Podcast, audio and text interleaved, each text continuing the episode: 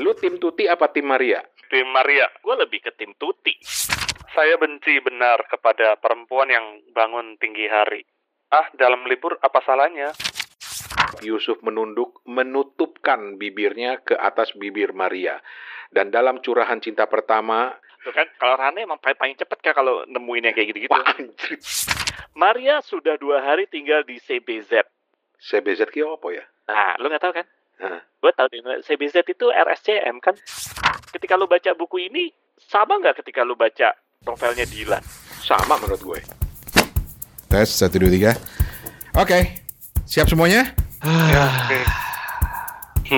Lu belum apa-apa udah ngeluh, Tok. Tok, hidup emang susah, Tok. Beol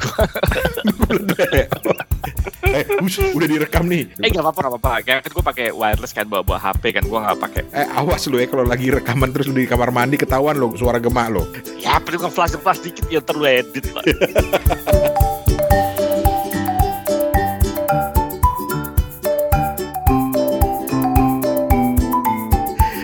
Ya wes, apa kabar semuanya? Kita ketemu lagi di Kepo Buku. Apa kabar Om Toto di Singapura? baik baik. Dan kita ketemu lagi di acara bajak kepo buku. Kita ngebajak podcast sendiri. Khusus, eh ngobrol aja berdua. Steven panggil dulu. Oh iya. Ambon, Ambon, Ambon. Di kopi ganti. Kopi ganti Ambon hadir. Asik. Alhamdulillah Steven akhirnya. Gimana ya Ambon? Lama kita nggak ketemu nih habis lebaran. Iya, karena apa ya? Karena kesibukan dan rutinitas ya. Jadi Fen, jangan terlalu baik. Bilang aja Toto biangnya yang susah. Laga lu, laga lu, Fen pakai kesibukan. Hah? nggak seru kalau nggak bertiga memang. Ah lu emang alasan aja lu bilang gua nggak bisa ya udah di blow up. Oke, dan sesuai janji kita di episode sebelumnya eh, dan sebelum-sebelumnya juga kita udah bilang bahwa kita pengen banget ngangkat novel-novel Indonesia klasik. Klasik. Kan sekarang zamannya retro kan, zamannya retro. Jadi kita juga mau ikut-ikutan retro gitu. Muka lu aja udah retro. Kecuali bukannya Steven ya. Nah, coba deh sekali-sekali nengok novel-novel klasik gitu. Dan novel klasik yang pertama kali akan kita bahas kali ini dan ini pastinya bukan yang terakhir adalah novel dari sastrawan angkatan Pujangga Baru. Siapakah dia? Enging eng. Sultan Takdir Ali Syabana. Sultan Takdir Ali Syahbana. Ngomong- Ngomong-ngomong ya, kenapa gue ketawa tadi Steven bilang eng ing eng. Jangan nggak setiap orang di generasi sekarang yang dengerin eh, podcast ini gitu ya juga tahu eng ing eng tuh asalnya dari mana gitu. Jelasin toh. Jangan gua dong, justru gua nanya lu, gua mah nggak tahu. Itu istilah muncul dari iklan tahun 80-an. Masa 8 bulan Serius? bukan lebih lama lagi? Ntar dulu, ntar dulu tuh. Kata kata Steven serius. Emang lu tahu istilah eng-ing-eng dari mana? No idea. Berarti lu tua. Kalau nggak salah Benyamin dulu ya gitu ya, iklan mobil. Betul. Kalau nggak salah itu iklan Mitsubishi. eh apa? Zaman dulu apa namanya? Colt, Mitsubishi Colt. Colt ya. Colt. Colt. Nah, Truk, truk, gitu. truk. Nah, nah, dia ketika nyetir itu ngomong eng ing eng. Nah, itu setahu gua itu pertama kali itu eh, almarhum Benyamin yang bikin. Ngomong-ngomong soal eng-ing-eng yang istilah-istilah zaman dulu, eh, di novel kita ini juga banyak istilah-istilah zaman dulu yang masih dipakai sekarang. Contohnya nih, salah satu novelnya Sultan Tadir Ali Syabana, nanti silakan tebak eh, atau nanti kita akan ceritain juga novel yang mana. Tapi ada istilah gini, spada. Iya, iya. Ingat gak lo? Ada kan tokoh di salah satu Ah. tokohnya itu ketika masuk ke rumah eh, berkunjung ke rumah si ceweknya terus bilang sepada. Lu tahu nggak sepada dari kata, apa? Nggak tahu gua sepada. Steven tahu nggak? Itu dari bahasa Belanda bukan sih bang? Salah. Bahasa Indonesia ya? Bahasa Indonesia. Bahasa Indonesia. Artinya Jadi dulu apa tahun-tahun 30-an lah ya, sudah muncul kebiasaan bikin singkatan-singkatan. Misalnya Pak Pak Bung Karno itu Oh. istilahnya berdikari, berdiri di atas kaki sendiri gitu kan. Mm-mm. Atau Mm-mm. kata ini nih, nih bahwasanya itu ternyata singkatan dari bahwa sesungguhnya. Itu itu gue nemuin referensinya karena gue penasaran kan sepada ini gue tadi gue pikir kayak Steven bahasa Belanda ternyata itu bahasa Indonesia yang artinya siapa ada atau anybody home kalau bahasa Inggris. Iya iya iya lucu juga ya kalau dipikir ya. siapa ada sepada gitu. bangsa Indonesia itu emang dari dulu suka bikin singkatan ya. Sedikit sedikit nyinggung dulu lah Sultan Takdir Ali Sabana ya terkenal lah misalnya Dian tak kunjung padam, tak putus Hmm. di rundung Malang gitu ya. Hmm, Tetapi yang banyak dianggap sebagai novel yang paling legendaris dari Sultan Takdir Ali Syahbana ini adalah Layar Terkembang. Iya, betul betul. Nah, itu yang akan kita ceritain ke teman-teman kali ini. Karena di zaman gue itu Layar Terkembang ini salah satu novel yang wajib dibaca. Betul betul. SMP, SMA gitulah ya. Uh-uh. Gue nggak tahu nih anak-anak sekarang. Zaman lu masih ada nggak sih, Van, disuruh baca novel klasik gitu, Van? Waktu SMP iya, waktu SMP. Tapi SMA sepertinya nggak ada. Nggak ada ya? SMA bukannya ada sastra juga ya di dalam pelajaran bahasa Indonesia kan seharusnya ada ya? Enggak ya? Ada. Ada ya? Gue sih masih ingat Armin Pane, gue wajib resensi. Sultan Takdir Ali Sahbana, Marah Rusli, Hamka itu wajib semuanya di, di resensi itu. Bahkan bahkan yang agak kekinian ya seperti seperti NH Dini itu juga dulu masuk loh. Iya, NH Dini juga masuk. Ya favorit gue malah NH Dini, uh, uh, sebuah lorong di kotaku itu salah satu buku yang yang sampai sekarang gue masih simpen novelnya gitu. Lu keren bagus, banget. NH Dini itu bagus. Kapan-kapan kita bahas lah NH Dini. Yo, wajib, Gitu. wajib, wajib. Wajib. Cuman cuman cuman gue ini uh, masalah judul ya, mesti lengkap ya. Gue kadang-kadang mikir kok banyak judul yang berhubungan dengan kapal ya. Lu kan itu perasaan nak totok saja itu. Perasaan ya, perasaan. Karena mungkin jarang jarang baca. Kalau misalnya kayak ini kan layar terkembang, ada hubungannya dengan kapal. Terus uh, tenggelamnya kapal. Van der? Wijk. Van der Wijk, gue kasih bocoran kapalnya benar-benar tenggelam ternyata. Terus Goblok. Terus Enadini novelnya pada sebuah kapal. Oh iya, Pada Sebuah Enadini. Itu juga sering dibandingkan antara antara layar terbang sama, sama sebu- pada sebuah kapal nih gitu. Hmm.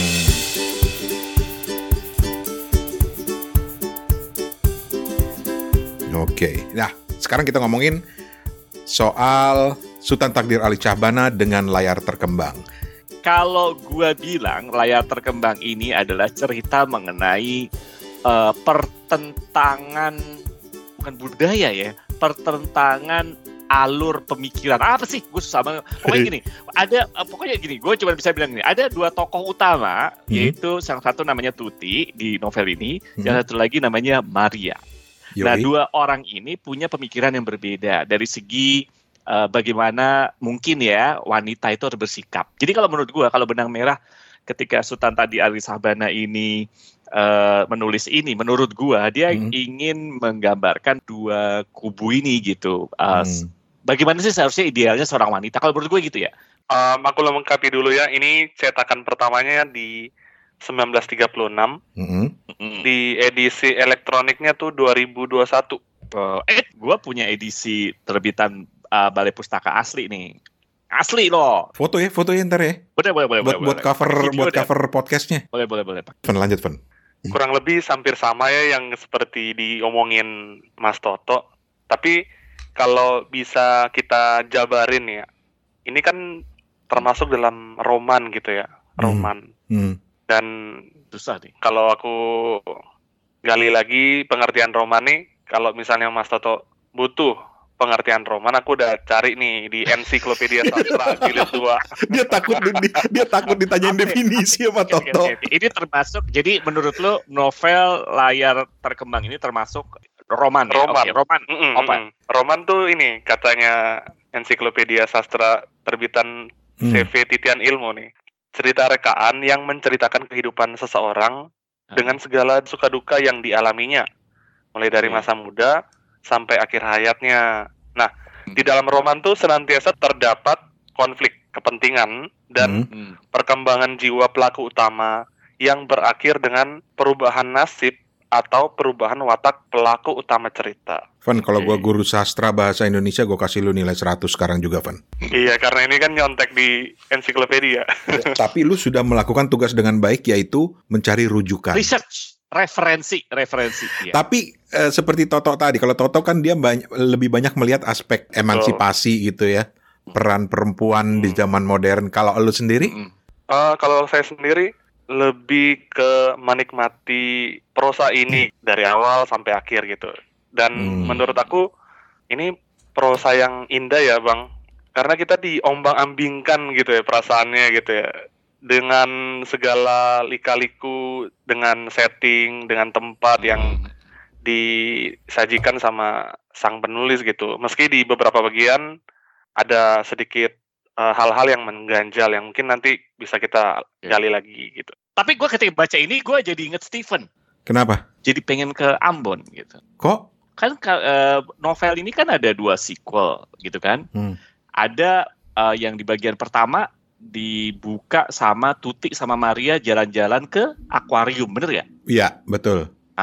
Terus di bagian kedua juga ada pertemuan eh, Maria jalan-jalan sama Yusuf ke pasar ikan. Jadi gue dua-duanya berhubungan dengan ikan. Gue jadi inget Stephen. Ambonnya di mana, Bambang? Ambon kan banyak ikan nggak ya? Nggak- nggak- Nggak gitu ya logikanya ya. Maaf, maaf, maaf. maaf. Maafin Evan. Maaf. Karena ini kan review sastra yang tidak serius. Tidak serius. Kalau dari versi gue tuh, gue lebih melihat ini eh, mungkin mi- lebih mirip eh, Stephen ya. Dia se- sebagai sebuah roman gitu, kisah percintaan gitu ya eh, khususnya. Dan tokohnya itu yang utamanya itu ada tiga, satu Tuti dan Maria. Itu kakak beradik. Jadi Tuti itu kakaknya ya. Tolong koleksi gue kalau salah. Tapi dia ini seorang wanita yang yang pemikirannya udah maju gitu ya, udah modern gitu yang menganggap laki-laki dan wanita sederajat, makanya tadi Toto sempat menyebut masalah emansipasi. Sementara wani, wa- wa- wa- waria lagi. maaf, maaf, maaf. Gue mau bilang Maria jadi waria.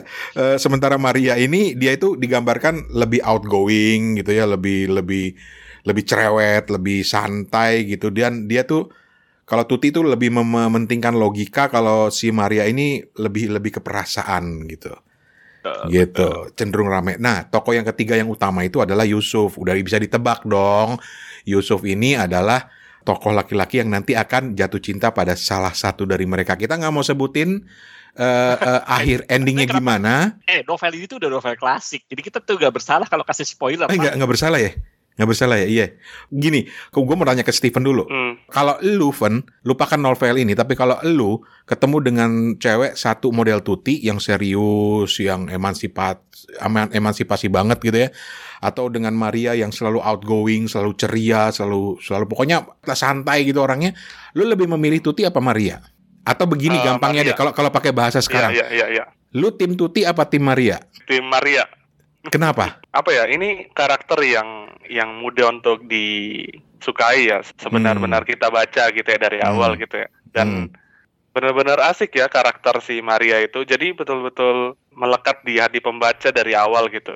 Kalau lu toh tim tuti apa tim Maria? Gue gue sebenarnya kalau awal-awal gue lebih ke tim Tuti gitu. Kenapa? Ya dia lebih logis gitu kan. Tapi kan at the end ya gue harus bilang ah, orang juga nggak seperti gitu juga sih. Orang Hmm. juga punya perasaan.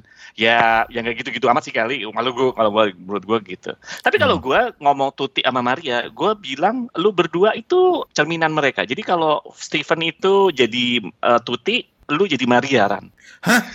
Maksud lo? Lu lebih easy going gitu Ah, kan, lebih ah. ini Oh, gue Maria, gue perasaan, Maria. Oke, oke, oke. lo Maria kalau Stephen Tuti gitu karena pemikir gitu Pemikir. kan menurut gua. kalau gue Yusuf tetap gue cowok kan gue cowok jadi gue jadi Tapi tapi menarik loh seperti kata kata kata kata Steven tadi. Bisa ditebak sebetulnya ini laki-laki emang dasar di mana-mana laki-laki bajingan emang selalu Steven tuh mewakili laki-laki yang bajingan. nah, eh, bisa ditebak dong. Yusuf itu kemudian jatuh cintanya kepada siapa gitu dan tapi akhirnya nanti larinya ke mana gitu. Ada yang bilang ini kisah cinta segitiga walaupun buat gue gue nggak setuju kalau dibilang kisah cinta segitiga. ya beda ini beda, Beda. karena segi- segitiga nggak segitiga sih ya Nggak segitiga Segitiga sebetulnya. gitu Heeh. Jadi Nah, intinya in- intinya sebetulnya em, nanti Maria pacaran sama Yusuf, tapi kemudian Tuti yang selalu serius merasa bahwa gua kapan nih punya pacar gitu. Pada akhirnya dia akan terlibat konflik seperti itu karena dia melihat kayaknya kok gua nggak punya punya pacar juga. Sementara ada yang naksir sama dia tapi dia nggak suka gitu loh. Sebenarnya bisa dibilang premisnya sederhana gitu ya.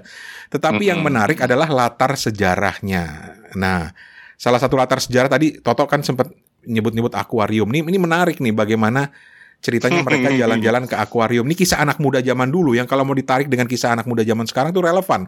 Kalau dulu tuh zaman sekarang tuh zaman-zaman jalan-jalan ke mall gitu ya.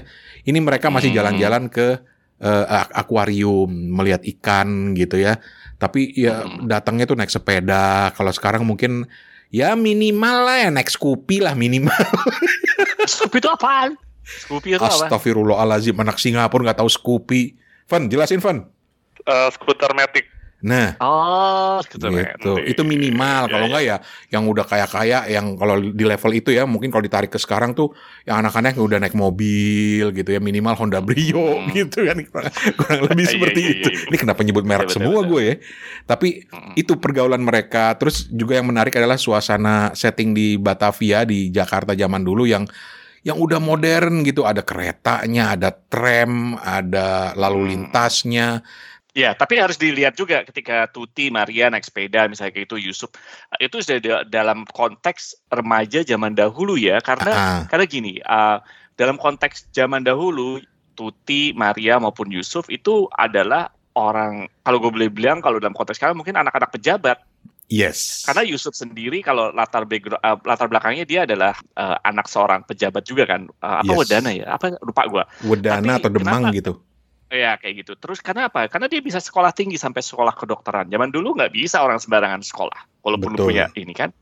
Betul. Tuti dan Maria pun begitu. Tuti se- seorang guru dan pendidikannya juga tinggi. Maria sendiri kan sekolah juga HBS gitu kan. Itu juga HBS itu se- setara dengan SMA. Nggak sembarangan orang sampai bisa sekolah Nggak. SMA gitu. Apalagi Karena H- HBS atau Ho, apa sih, Hoger Burger School gitu singkatannya gue nggak tahu. Jangan lu, lu lu jangan ini dong, jangan mentang-mentang ininya jadi giran ininya jelas, burgernya jelas lu tadi. Nggak, karena ini mengingatkan gue pada lu tahu nggak sih HBS itu mengingatkan gue pada sekolahnya si siapa? Siapa? Mingke, Bumi Manusia. Oh, karena lo dari sananya gitu. Nah Oke, itu Ja- oke. dan sekolah itu adalah sekolah tinggi yang hanya bisa apa ya diikuti oleh orang-orang Belanda, orang-orang Tiongkok atau atau hmm, keluarga bangsawan. Ya.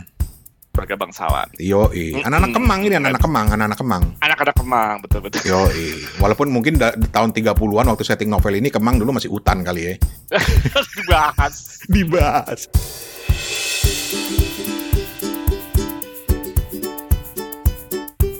Memang seperti yang Bang Rane bilang kalau novel ini tuh seperti bisa mengcapture gambaran tahun-tahun itu ya Bang ya, semangat-semangat yang menjadi jiwa-jiwa para pemuda-pemudi di saat itu dan Hmm. aku kira itu sebuah pengalaman yang apa ya, sebuah pengalaman yang mengasihkan ya karena kita Hmm. ke seperti terlempar ke masa itu.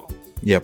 Tapi di satu sisi yang lain tuh uh, ada beberapa ganjalan memang karena salah satu hal yang aku rasa tuh sang penulis tuh terlalu mendesakkan gagasan dia gitu di dalam novel ini. gitu. Ah, ini menarik ini. Ini menarik. Kenapa? Kenapa? Fan? menarik, Kenapa? menarik. Kenapa? Banyak orang juga tuh bilang kalau ini terlalu banyak kebetulan di dalamnya. Hmm. Hmm. Kayak bisa-bisanya mereka ketemu gitu kan. Mm-mm. Setelah ketemu di gedung akuarium, terus ketemu lagi gitu ya di papasan lagi gitu ya si Maria dan Yusufnya di depan hotel Des Indes gitu misalnya. Hmm. kalau dibilang serba kebetulan, aku rasa ya fine fine aja mungkin untuk perputaran ceritanya gitu ya, Hmm. alur majunya itu dapat gitu. Tapi yang cukup merisaukan itu kayak eh, oke kita seperti sedang digurui gitu ya. Oke. Ya, iya. Ini menarik nih, Iya. menarik nih, menarik nih. Menarik, menarik, menarik, menarik. Kenapa lu bilang merasa sedang digurui? Penulis tuh seolah-olah lagi bicara ke pembaca lewat eh, lewat karakter Tuti, lewat Hmm. karakter Hmm, Yusuf hmm, hmm, gitu. hmm. Itu yang itu yang ini.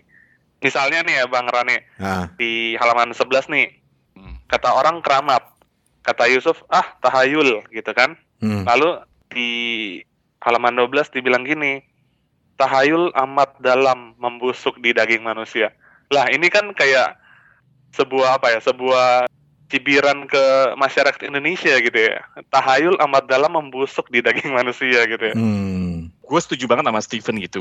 Kalau Steven bilang terlalu menggurui, iya sih. Karena gini, biasanya kan cerita tuh kalau kalau kita biasa baca cerita kan gini, Hmm. biarkan tokoh itu berbicara seperti dia gitu. Seperti kalau kita bikin satu tokoh misalnya atau Tuti atau Maria ya biarkan dia berbicara seperti layaknya memang Tuti itu pemikir atau Maria itu uh, lebih easy going gitu kan. Dan dari situ kira-kira kita bisa menyimpulkan bahwa Maria dan Tuti adalah seperti ini dan seperti itu. Tapi kalau di sini kalau gue baca dan dan dan Hmm. gue setuju sama Steven, jadi kita nggak menyimpulkan dari kata-kata atau tingkah laku mereka, tapi dari bahasa hatinya mereka yang ada dalam pikiran mereka yang diutarakan oleh pengarangnya gitu. Oke. Udah nggak maksud gue? jadi novel ini kalau menurut gua kalau lu harus mencari benang merahnya kayak gitu sebenarnya nggak susah, susah gitu. Karena udah kayak diceplokin aja gitu. Makanya kalau mungkin dalam bahasa Stephen digurui gitu. Hmm. Jadi daripada kita mencari tuti itu seperti apa ya udah gitu. Misalnya eh, apa ya? Cara tuti berpikir, cara apa ya Maria berpikir itu udah udah udah jelas gitu tanpa kita harus eh, kira-kira tuti sama Maria ngomong itu tuh maksudnya dia apa ya? Nggak kayak gitu gitu. Misalnya gini, apakah lu cukup kesulitan untuk mencari tahu bahwa Tuti itu sibuk dengan gerakan emansipasinya? Enggak kan?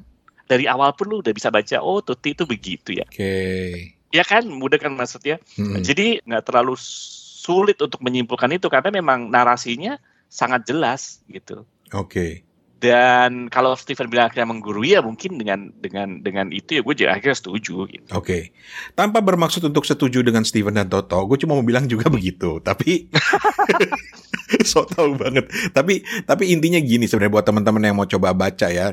Kenapa gue setuju dengan Steven sama Toto tadi? Karena memang ada beberapa kritik terhadap Sultan Ali Ta- Sultan Takdir Ali Syabana yang bilang bahwa eh, novel layar terkembang ini emang maksain banget pemikiran si Sultan Takdirnya sendiri gitu loh. Gitu tanpa mencoba menghaluskannya dalam sebuah cerita gitu. Kan seperti Toto bilang dari awal udah ketahuan itu Tuti ini orangnya begini Maria orangnya begini Yusuf orangnya begini udah udah ketahuan gitu. Tapi ya harus dilihat pula dalam dalam konteks itu. Itu itu yang yang menurut gua menarik. Makanya eh, kalau kalau ada pendapat seperti itu mari kita lihat ke Sultan Takdirnya. Sultan Takdir itu kan salah satu penggagas angkatan pujangga baru. Ayo, yang lupa itu pujangga baru apa, pujangga lama apa, buka bukunya lagi. Pasti kalian belajar lah bahasa Indonesia dan sastra gitu ya. Kalau enggak, sedih banget rasanya kalau udah nggak dipelajarin tentang angkatan pujangga baru dan pujangga lama ini. Nah, Sultan Takdir itu selalu percaya bahwa Hindia Belanda, Indonesia zaman dulu gitu. Ini kan sebelum Indonesia merdeka kan ya. Hindia Belanda zaman dulu itu harus mengikuti perkembangan zaman. Dan menurut dia satu-satunya cara untuk mengikuti perkembangan zaman adalah lu harus mengadopsi pola pemikiran Eropa.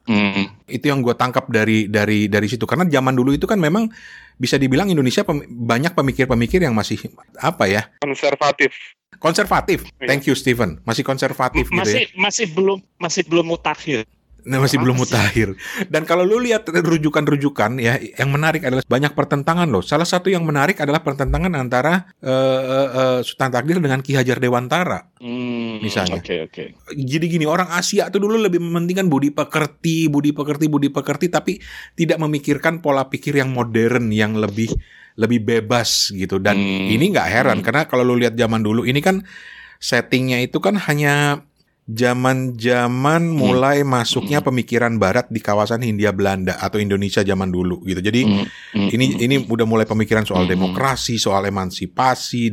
Itu sih menurut pemahaman gue. Jadi, Hmm. jadi makanya di situ memang banyak yang Hmm. kritik bahwa ah lu terlalu maksain banget gitu loh. Lu nggak mentingin ceritanya gitu. Iya iya iya. Gitu. Nah, nah kalau gue kalau kalau gue mungkin balik lagi ke novelnya ya Ren ya dan Ah. Steven ya. Gini, eh, sebenarnya kalau masalah pemikiran dia mau memaksakan ke, eh, pemikirannya menurut gue sih wajar-wajar aja gitu kan. Hmm, hmm. Nah yang yang gue yang gue agak ini gue gitu sok tahu ya gue ntar di di ini lagi lu belagu lu orang sultan tak- nama sebesar itu tapi maksud gue gue nggak nggak mencoba untuk karena pemikiran tuh sampai sekarang pros and cons juga gitu. Sampai sekarang orang kalau ngomong matematika gitu terus ada kurikulum bilang me- apa namanya budi pekerti harus dimasukkan. Dan gimana misalnya kurikulum matematika? Matematika itu masalah benar salah. Satu tambah Eh, satu ya eh. satu gitu nggak ada urusan sama budi pekerti gitu. Misalnya kayak gitu. Tapi itu sampai sekarang pun itu masih mengemuka gitu. Jadi nggak zaman dulu. Tapi maksud gue gini mungkin gue ambil salah satu contoh aja. Ketika Tuti memberikan pidato ingat nggak Pi- di di bab di di sequel yang pertama gitu Hmm. Tuti memberikan pidato karena dia masuk ke ketua organisasi ya ketua organisasi atau Ya, ketua ya, organisasi apa namanya eh, Putri Sedar. Putri Sedar, ya kan? Nah, dia kasih pidato nih. Jadi ada percakapan pidatonya apa. Tapi yang menurut gua dan ini banyak nggak cuma di ini doang gitu ya. uh, di di satu contoh ini adalah kenapa gue bilang menggurui karena di tengah-tengah itu ada satu paragraf di uh, dia menjelaskan gitu. Misalnya gini, lagi pidato kemudian ada paragraf ini narasinya Sultan Tadir Sabana bukan isi pidatonya. Jadi dia bilang gini, tiap-tiap perkataan yang diucapkan dengan penuh kegembiraan, penuh semangat itu meresap kepada segala yang hadir. Hmm. Tuti telah terkenal seorang pendekar yang pandai memilih kata yang dapat mengucapkan kata-katanya dengan kegembiraan seluruh hatinya sehingga tertarik dan terhanyut segala orang yang mendengarkan. Gua potong sampai di situ aja ya. Tapi maksud gua tuh adalah instead of lu itu nulis bagaimana dia berpidato dan biarkan orang terkesima gitu kan. Hmm. Dia itu nulisin narasinya di sini gitu. Oke. Udah nggak maksudnya? Jadi itu yang menurut gue itu menggurui. Lu kan berarti eh, oh Tuti lagi pidato ya. Ya dia pidato sih dibikin berapi-api gitu. Hmm. Tapi tiap-tiap perkataan yang diucapkan dengan penuh gembiraan meresap kepada segala yang hadir. Nah itu ya kalau menurut gue lu lu kenapa nggak nggak bikin setting yang orang akhirnya oh iya ya benar Tuti itu ternyata begini ya kan jadi kita ngambil kesimpulan oh ternyata meresap bener nggak maksud gue? Iya. Gua, Itu itu yang menurut gue Yoi. sekarang tuh gue jadi inget ada ada satu ada game ketika lu uh, Hmm. storytelling ya show not tell inget gak lo Iya. tunjukkan jangan beritahu gitu ya tunjukkan dong kalau Tuti emang orator yang ulung ya tunjukkan dong di cerita lo gitu, gitu. Hmm, oke. Tapi gue nggak tahu ya karena mungkin kita harus baca lagi novel janjian novel klasik gayanya mungkin begini gitu Ga- mungkin gaya gaya dulu itu gaya tulisan seperti eh, seperti ini tuh dulu menarik gitu loh. iya betul betul Yang mau aku tambahin di di dalam penelusuran kita nih, meskipun di satu sisi seperti sedang menjelaskan dengan segamblangnya gitu ya, tapi Hmm. kata-kata pilihan katanya tuh necis gitu ya. Necis. Gue demen, gue demen deh Mas Steven deh. Ngomongnya eng ing eng, sekarang necis gitu. Etis. Iya, dan dan dan itu yang bikin kayak uh, perjalanan membaca saya itu jadi benar-benar apa ya? Kayak oke, uh, meskipun ada hal di sana sini tapi tetap menarik untuk diikuti sampai selesai gitu, Bang Rane, Mas Toto. Iya, betul. Nih, ini, ini gue potong sedikit, Van ya. Gue mau, gua ada yang mau gue tanyain ke lo, tapi satu hal lagi yang juga menarik dari novel ini, teman-teman ya, layar terkembang ini adalah lu harus baca penggunaan kata-katanya, karena ini ada yang kritik, wah ini terlalu Melayu, wah salah lo. salah, Hmm, gitu ya. Yoi, karena karena dulu bahasa Melayu bahasa Indonesia itu kan bisa dibilang berdekatan. Dan Sultan Takdir Ali Syahbana salah satu orang yang sangat mementingkan bahasa Indonesia ketika itu. Dan ya walaupun memang ada ada bahasa-bahasa yang kesannya Melayu tapi ternyata itu ternyata adalah bahasa Indonesia itu kalau menurut gue.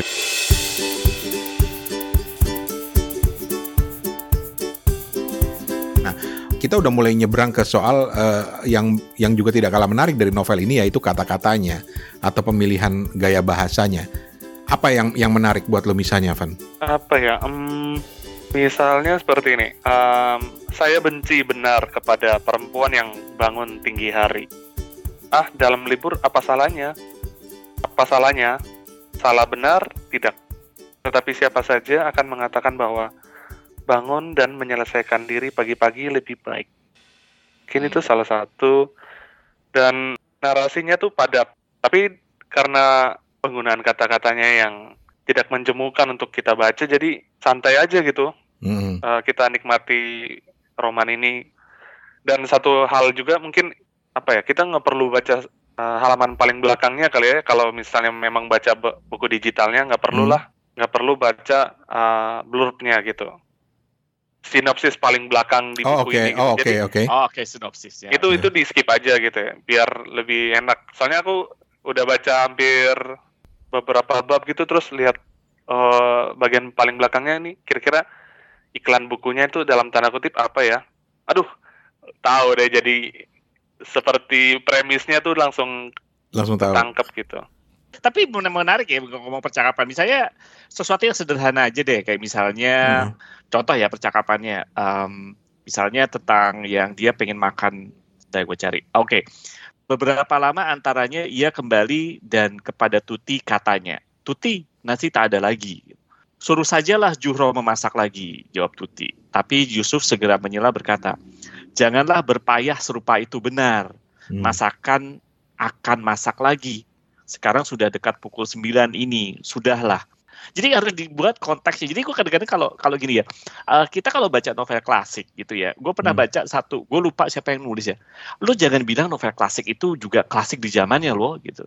Mm-mm. Maksudnya pada saat itu dia jadi novel kontemporer. Maaf ya, maaf ya. Gue gua gue cuman perumpamaan aja. Ketika lu baca buku ini sama nggak ketika lu baca novelnya Dylan?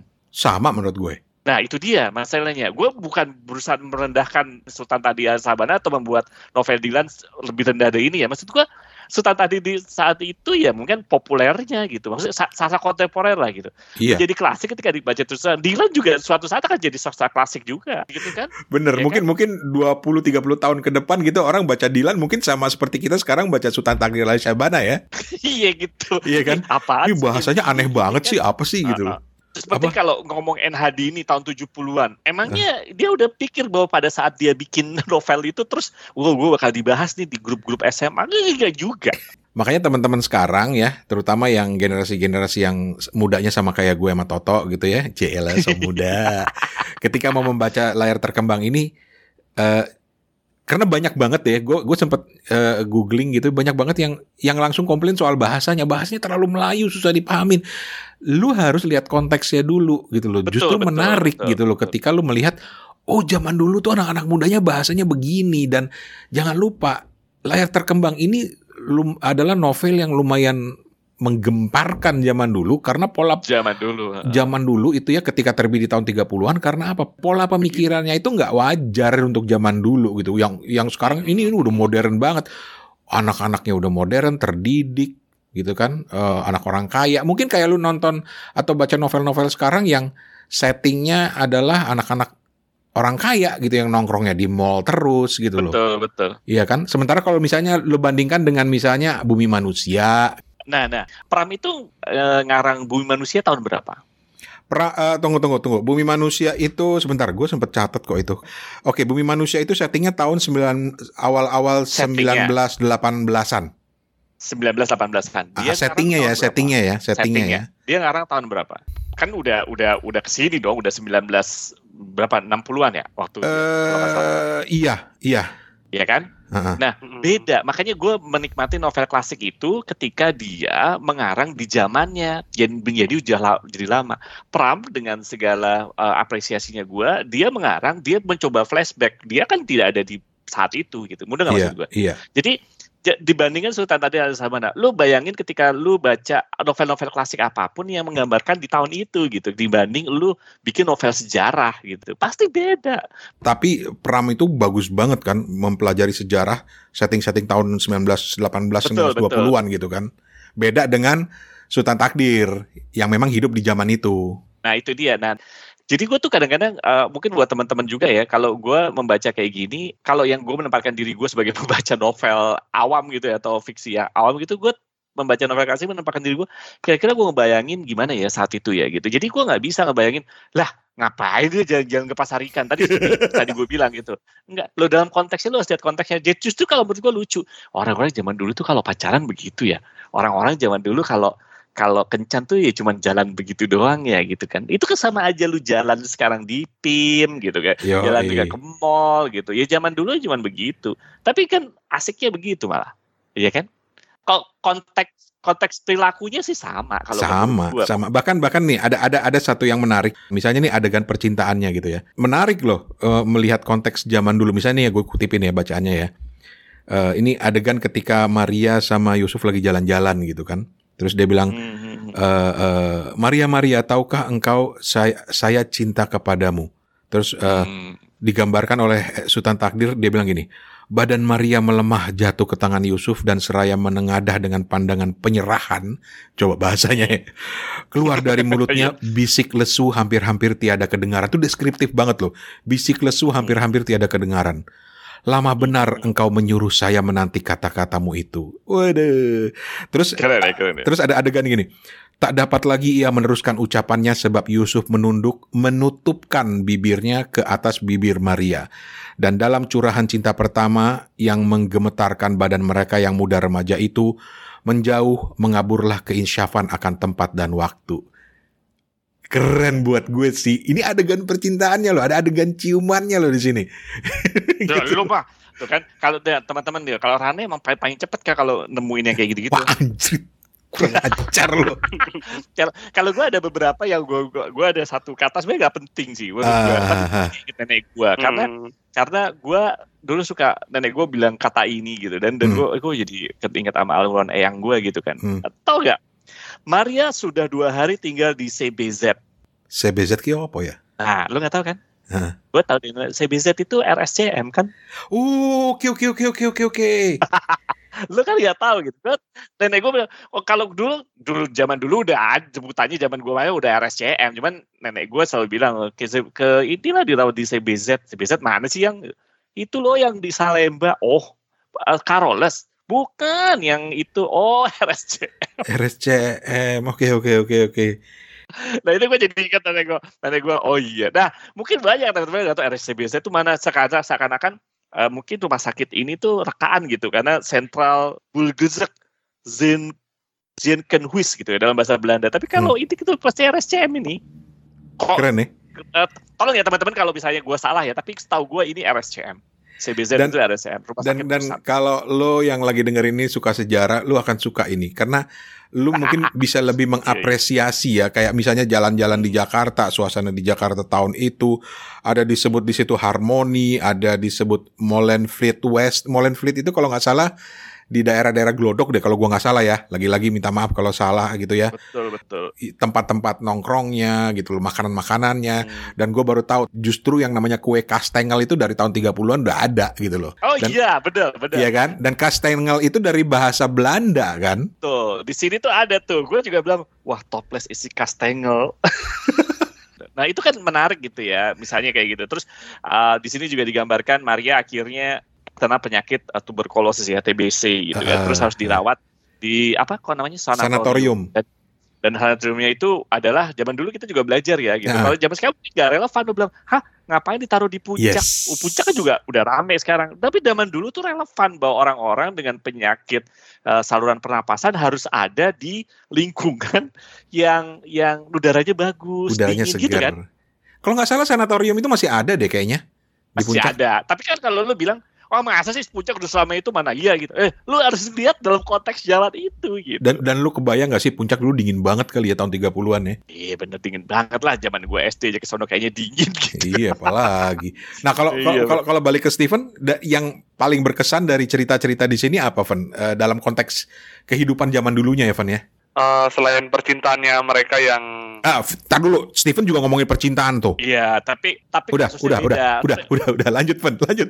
Ah, oh, ah, um, yang yang apa ya yang menarik apa ya Em, banyak apa ya banyak eh, pergaulan lika-liku yang dihadirkan di sini kayak ini aku mau tahu kalau Bang Rane sama Mas Toto bisa menggambarkan alamat rumahnya mereka nggak sih itu di mana gitu ya dan apakah benar-benar alamat dan rute sehari-hari mereka tuh bisa digambarin di benak kalian nggak sih Wah, Itu yang kalau rasanya. itu gue nggak sampai sebegitunya sih, Van. Gue gue nggak sampai lah, nggak sampai kalau gue kayak gitu. Kalau Gua nggak setua itu sih, Van. nggak nggak nggak nggak susah itu. Terus, terus, terus, maksud lu gimana? Terus, terus, terus.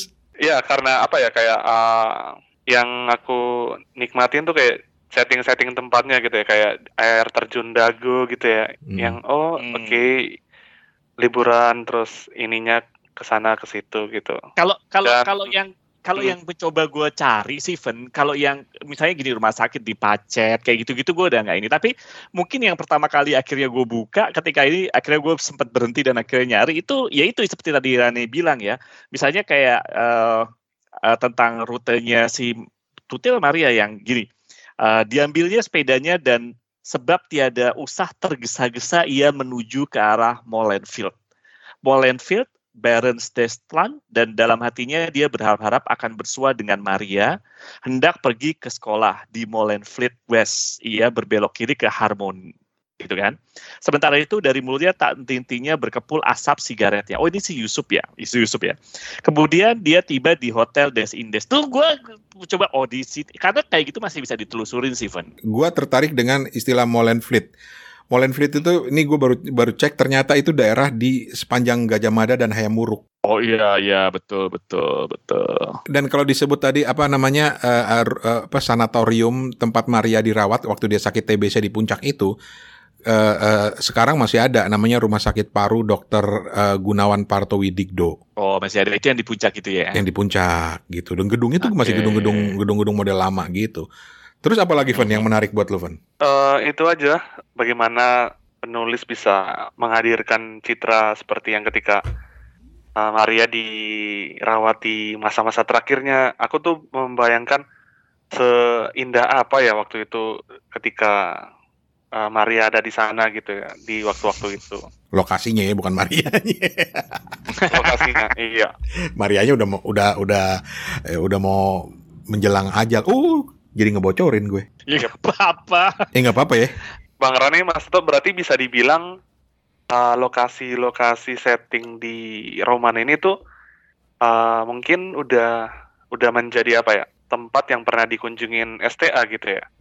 Gua rasa begitu. Walaupun STA kan aslinya bukan orang Jakarta kan, bukan orang Batavia. Iya iya iya Ah, ah. iya. betul betul. Dia dari daerah kan sebetulnya kan, Sultan Mhm. Takdir Ali Sabana itu. Mhm. Tapi ya memang memang banyak yang bilang bahwa ini ini Sultan Takdir banget gitu loh kalau gue yang baca rujukan-rujukannya ya karena eh, misalnya ada yang bilang gini, tokoh Tuti itu sebenarnya Sultan Takdir Ali Syahbana. Loh, udah maksudnya? Jadi pola pemikiran Sultan Takdir Ali Syahbana itu dia tuangin ke Tuti. Ki- gitu ya. Keteplak. Keteplak-keteplak banget gitu. Iya keteplak. Tapi emang beberapa gue baca begitu ya. Jadi memang itu adalah uh, pola pemikiran yang menurut Sultan Tahdi Aril Sabana itu memang harusnya begitu gitu. Harusnya begitu. Perempuan harusnya begitu gitu. Itu. Karena dia ngotot bahwa "Mm, kita tuh udah terlalu banyak mikir lebih mikirin budi pekerti lah, ramatama segala macam budaya Asia banget gitu loh. Padahal harusnya udah saatnya kita berpikiran gaya orang Barat karena itu membuat Indonesia itu akan lebih maju walaupun dulu belum disebut Indonesia. Dan ini mengingatkan gue sama sosok Lee Kuan Yew yang udah di zaman modern, bapak pendirinya Singapura itu selalu berpikiran bahwa kita itu akan terus ketinggalan kalau kita tidak beradaptasi dengan dunia Mhm. Barat. Makanya eh, eh, eh, apa namanya Lee Kuan Yew selalu bilang temuan paling hebat di eh, eh, abad ini di tahun 2000-an ini adalah. AC karena AC itu membuat orang Asia udaranya sep- jadi seperti di luar negeri. Karena menurut dia udara di Inggris misalnya tempat dia belajar di Oxford sana itu dingin sehingga membuat orang-orang orang sana itu lebih lebih nyaman gitu dan lebih lebih bisa berpikir dengan lebih jernih. Itu menurut pen- penafsirannya Lee Kuan Yew gitu. Nah AC itu katanya membuat kita jadi setara dengan orang Barat itu itu udah di zaman modern loh gitu ya. Sampai ada yang berpikiran seperti itu gitu loh. Jadi bukan hal yang baru ketika Sultan Takdir tahun 1930-an ngomong kayak gitu gitu Terus eh, kembali lagi ke kata-katanya tadi ini kita udah menjelang akhir ya. Nanti gua akan minta juga pendapat masing-masing eh, closing statementnya. Ah closing statement ya kalau seminar. statement.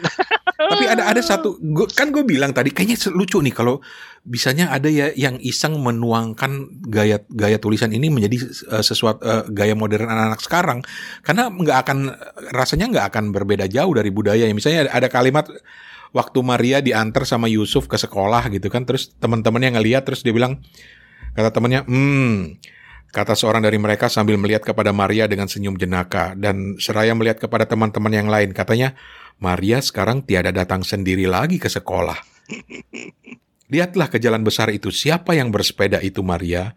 Gue gue mikirnya gini loh. Wah kalau ditulis dalam novel sekarang mungkin dia akan bilang gini. Cie yang udah nggak datang sendiri.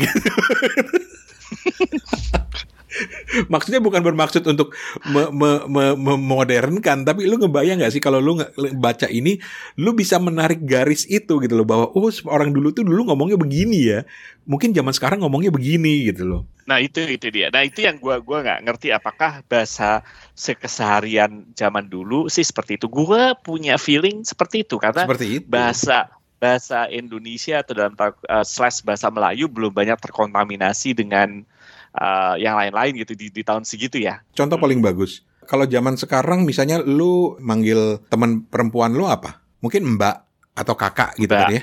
Eh, kalau zaman dulu tuh manggilnya zes. Ses. Ses, bukan zes ya, ses. Dibaca ditulisnya Terus? Z- ZU ZUS gitu loh. Itu kan dari bahasa Belanda. Sementara kalau ke laki-laki lu manggilnya tuan. Iya betul. Tuan itu bukan Mister gitu. kalau zaman sekarang mungkin tuan di- dianggapnya wah ini anu banget nih. Eh, eh, waktu zaman si Pitung eh, manggil Demang Belanda gitu. tuan gitu kan. Padahal mungkin dulu sebutan sopan itu untuk memanggil laki-laki gitu ya. Eh, itu itu beberapa contohnya. Jadi memang harus ngelihat konteksnya dan eh, eh, selain juga melihat ceritanya gitu.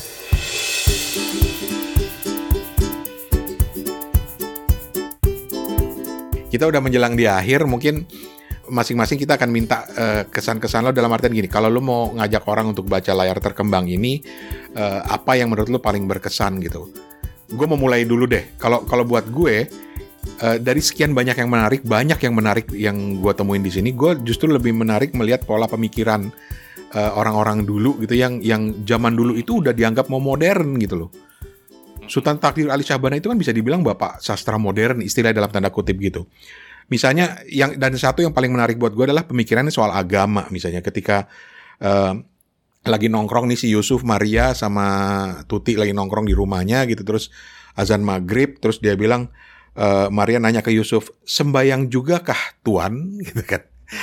Maksudnya kan kalau kalau bahasa Indonesia eh lu sholat nggak? Gitu kan. Kurang lebih gitu kan. Hmm. terus dia bilang apa uh, ada kutipan di sini. Ah, agama itu pekerjaan orang yang telah pensiun. Saya pun menanti saya pensiun dulu baru sembayang gitu. Itu itu udah dianggap pemikiran modern zaman dulu gitu Yang yang walaupun itu belum tentu akan akan jadi sangat-sangat kontroversial gitu kan ya kalau kalau bicara soal agama. Tapi buat gue itu gue cuma cuma tertarik zaman dulu aja udah ada yang berpikiran seperti ini, apalagi zaman sekarang yang udah ngomong kayak begini bisa rusuh gitu loh apa sih ya ada kutipan-kutipan seperti itu dan itu banyak pola-pola pemikiran zaman dulu yang sebenarnya sekarang juga udah ada gitu. Itu yang menurut gue teman-teman yang baca ini patut untuk ngelihat itu gitu loh. Jadi selain menikmati ceritanya yang juga ada kok ceritanya tolong dilihat juga pola-pola pemikiran zaman dulu yang eh ini ternyata udah nggak jadul loh. Ini zaman dulu tahun 30-an ini udah modern loh karena sekarang ada yang berpikir seperti itu gitu.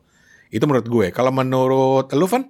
Um, layar terkembang ini adalah roman yang sederhana dan nyaman untuk kamu baca kalau kamu pengen tahu khasana novel-novel klasik Indonesia gitu ya, terbitan Balai Pustaka.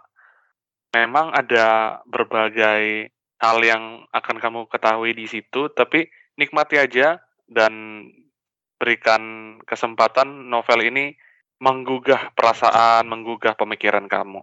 Mantap, Stephen. Jangan mantap doang lo. Lo, lo gimana? Nah, kalau gue gini, balik lagi tadi seperti gue bilang, gue menikmati novel yang klasik, tapi bukan novel yang sifatnya historical yang flashback. Jadi novel itu menjadi historical atau menjadi klasik karena memang ditulis di zamannya dan akhirnya kita melihat lagi ke belakang dengan novel itu kan gitu kan. Jadi bukan novel seperti sekarang novel baru tapi histori tentang Majapahit itu. Syukur kalau ada novel tentang Majapahit yang ditulis di zaman Majapahit gitu. Keren banget gitu kan. Nah, gue sih maunya kayak gitu. Jadi itu bener-bener kan gitu kan. Mungkin uh, ya babat tanah Jawa atau apa kalau ya terserah uh, dibaca mungkin akan jadi konteks. Nah, konteks gue adalah gue cuma bisa bilang gini. Kalau gue menikmati karena itu mencerminkan satu hal sebenarnya. Kalau Rani bilang zaman dulu ada, zaman sekarang ada. Manusia itu tidak berubah ternyata dari zaman ke zaman. Tabiat aslinya itu sama. Alat bisa jadi berbeda, tapi tabiat asli manusia itu ternyata nggak bisa berubah. Manusia itu produk kebiasaan, dan kebiasaan itu ternyata nggak berubah. Uh, ya mungkin ini ada pesimis, ada optimis ya manusia suka perang dari dulu suka perang manusia suka bercinta dari dulu manusia suka bercinta cuma masalah alatnya aja beda makanya hmm. menarik ketika lo bilang si Maria sama si Yusuf pacaran. Ya zaman sekarang juga orang pacaran zaman dulu pacaran. Pacaran dulu pakai sepeda sekarang pakai mobil. Apa bedanya gitu? Cuma masalah itu aja kan gitu. Dan orang berusaha berpikir modern konten berpikir modernnya mungkin berbeda gitu. Tapi keinginan untuk berpikir modern kan sama. Kenapa kita uh, ingin banget ngangkat uh, novel-novel klasik seperti layar terkembang ini juga selain karena uh, ya memang perlulah kita juga tahu. Dan selain kita nggak ada bahan juga enggak gitu ya dan karena nggak ada penerbit juga yang ngajakin nerbit apa uh, ngulas novel-novel baru alah terus tapi kita juga pengen ngajak teman-teman untuk untuk melihat ya seperti yang dibilang Toto tadi ada konteks yang menarik yang sebenarnya kita mau pelajari. Gue jujur bilang bahwa gue dulu dengan terpaksa meresensi novel-novel karena tugas sekolah. Tapi ada loh novel-novel yang ke akhirnya kepincut dan gue bisa bisa inget sampai sekarang gitu ya. Contohnya ya N Hardini pada apa namanya sebuah lorong di kotaku atau Labarka atau misalnya novelnya uh, Hamka uh, kayak gua Ah Nafis, robohnya iya. Surau Kami, gitu robohnya kan. Surau Kami atau Ismail Marahimin dan perang pun usai itu ternyata menempel. Jadi ya ya enjoy lah. Syukur-syukur bisa dapat nilai. Gua nggak tahu ya anak sekarang masih masih masih dapat pelajaran sastra dan tugas baca novel klasik nggak sih? Jangan-jangan eh, novel klasik anak-anak sekarang tuh kayak lupus gitu kali ya? Enggak ya? Kita kan Dan- nggak tahu Harry Potter suatu saat juga akan jadi klasik. Akan jadi klasik. Dan saat itu mungkin akan ada catatan yang bilang bahwa wah itu dulu pengasuh kepo buku ada satu tuh yang nggak pernah baca Harry Potter gitu. Iya bener-bener. Tapi menarik. Dan apa namanya ya? Kita juga pengen masukan dari teman-teman apakah kalian suka kalau kita ngulas novel-novel klasik seperti ini dan novel klasik apa yang kalian ingin kita ulas? Perlu diulas. Gitu. Kalau memang kita bisa dapatkan novelnya, kenapa tidak? Ya nggak, Van? Atau gini Bang Rane, Mas Toto, Apa mungkin tuh? kalau misalnya teman-teman mau sekalian nih ikut menggibain novel-novel klasik langsung sama kita, Boleh. boleh banget ya. Uh, boleh banget. Gitu. boleh, banget. tuh. Atau kalian mau ikutan baca kepo buku tapi juga mau ikut mengulas novel-novel klasik juga boleh banget. Boleh, Boleh banget. Dan itu nggak nggak selalu harus Indonesia ya. Novel klasik itu banyak loh dari dari yang bahasa Inggris atau apa gitu. Itu silakan gitu. Gitu. Oke. Mudah-mudahan ini eh, cukup seru dan kita ketemu di episode kepo buku lainnya. Eh, gua Rane Hafid dari Tangerang Selatan. Gak kompak nih udah kelamaan gak rekaman. Lu kan gue nunggu Steven. Oh iya Steven dulu, Steven Steven dulu. nunggu Steven nunggu gua. Iya, gua ulang, gua ulang, gua ulang. Gua Rane Hafid dari Tangerang Selatan. Stephen Diambon, Dan saya Hertoto dari Singapura. akhirnya Sus Maria dan Sus Tuti mengakrabkan kembali kepo buku setelah hiatus beberapa jenak ya. Asik. Nah kita kan udah selesai rekamannya. Kenapa masih Iya. bahas lagi? Tahu masih dibahas lagi ya wes. Thank you, thank you, thank you, thank you.